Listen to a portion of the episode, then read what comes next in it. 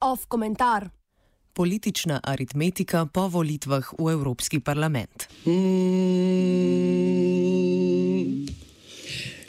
sem zjutraj se prebudil, sem si skromno zaželel. Evropske bi klopi pogulil, od proračuna bi živel. Mislim, da mi bo uspelo, lep sem pameten, pa ne. Z blefom evre bom zapravljal Slovenijo, predstavljal bom.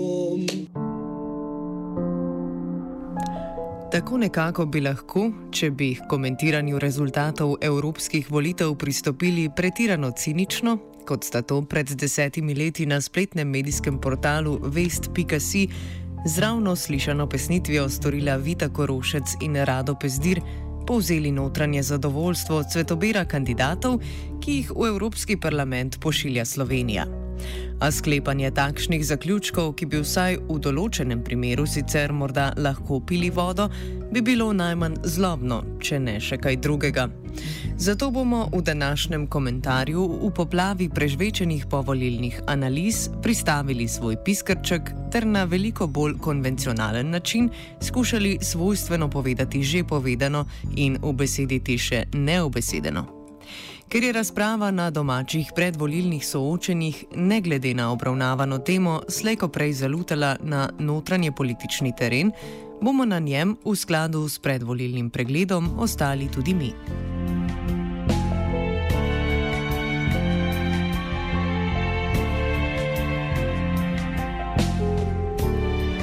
Najprej se dotaknimo kampanje, ki je bila ena najbolj dolgočasnih in skupaj z nedavno predsedniško tudi najmanj vsebinska. Če strnemo, se je vrtela okoli štirih osrednjih tematskih sklopov: ilegalnih migracij, sociale, okolja in transparentnosti, pri čemer kandidati v odgovorih na vprašanja niso povedali, kako konkretno bi se s temi problematikami spopadali v Bruslju, temveč so raje, raje govorili, kaj so oni in njihova stranka glede tega že storili doma. Deloma gre krivdo prevaliti na format soočen, ki razčlenitve programskih vizij zaradi časovne omejitve ni dopuščala. A kljub temu ostaja občutek, da z izjemo nekaterih za nov mandat potegujočih se europoslancev, nihče drug z njimi ni zares nameraval operirati.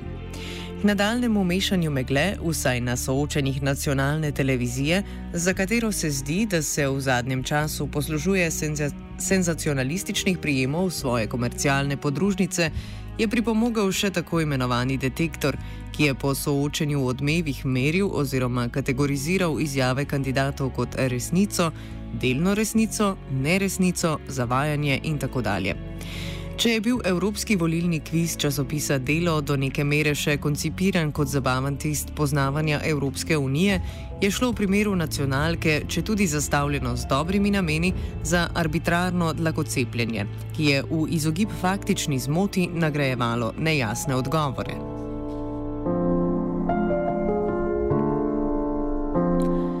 Če poskušamo mimo tega vseeno razumeti, zakaj se je diskurs pred volitvami v Evropski parlament tako blatantno osredinil okoli notranje politike, se ponujata dve ugotovitvi. Prva je, da gre za zadnjo uradno javno mnenjsko raziskavo, s katero stranke med voljivci preverijo svojo podporo. Naslednje redne volitve bodo namreč parlamentarne čez tri leta. Če so vzvodi slednje dokaj površinske narave, gre pri drugi za nekaj bolj sistemskega in razkriva odnos, ki ga imajo slovenske politične stranke do funkcij v Evropski uniji nasploh. Te namreč dojemajo kot odlagališče akterjev, ki so znotraj strankarske hierarhije tako ali drugače postali moteč faktor in se jih po hitrem postopku z rangiranjem na vrhu list želi odpraviti. Primerov je več.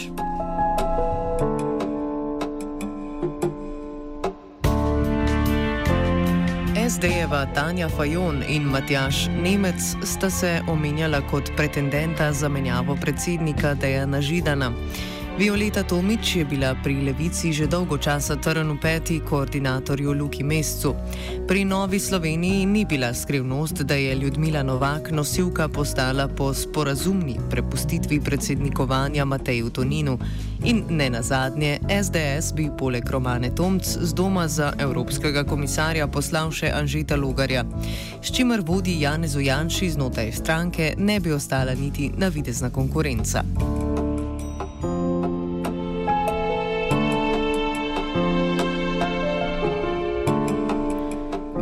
Voljivci pa so odločili, kot so. Potrdila se je sintagma, da na volitvah z nizko udeležbo, ta je bila tokrat 28 odstotna, torej nekoliko višja kot pred petimi leti, a še vedno druga najnižja na ravni Evropske unije, šteje prav vsak oddani glas. Na roko je šla predvsem tradicionalnim strankam, ki so na terenu prek lokalnih orgi, organizacijskih struktur uspele mobilizirati svoje podpornike.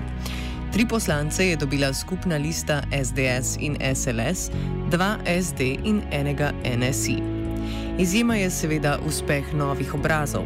Tokrat so to vlogo zasedli pri listi Marjana Šarca, blišč katerih pa je časovno omejen, preden zdrknejo naprej na margino, potem pa politološke anale, kot se zdi, se dogaja stranki modernega centra. Nadse pomenljivo je, da pri tem niti ni pomembno, s čimer stranka, še bolj pa kandidat, v kampanji operira. Z gotovostjo namreč lahko trdimo, da je Gregor Perič pokazal več od Irine Joveve, za katero se je mestoma zdelo, da na mesto za europoslanko kandidira za mesto PR-ovke v kabinetu predsednika vlade.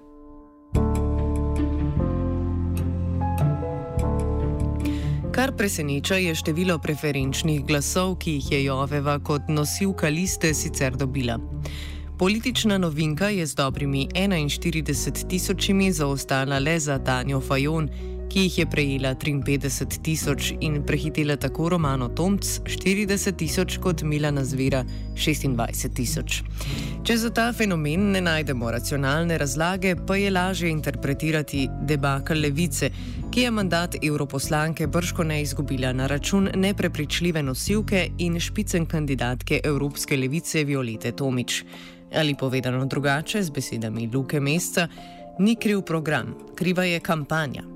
Tudi zato, ker se je mesec, čeprav je javno povedal, da bo sprejel morebitni evropski mandat, oklical za podpornega kandidata, se je delež preferenčnih glasov stekel z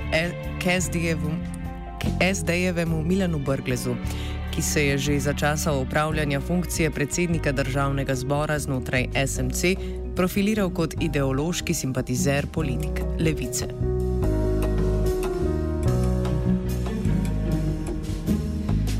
Luči usklajevanja predlogov za odpravo protiustavne volivne zakonodaje pa za konec navržimo še to.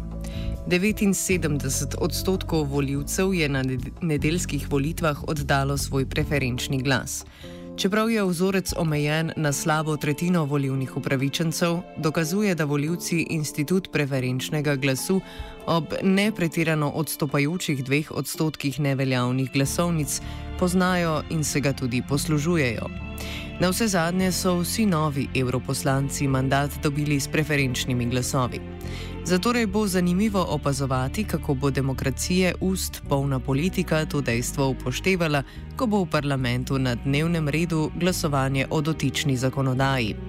Spremembe v smeri večjega upoštevanja neposredne volje voljivcev bodo namreč vplivali tako na postopek izbire kandidatov, kot tudi znotraj strankarska razmerja in centre moči. Komentiral je Fabian.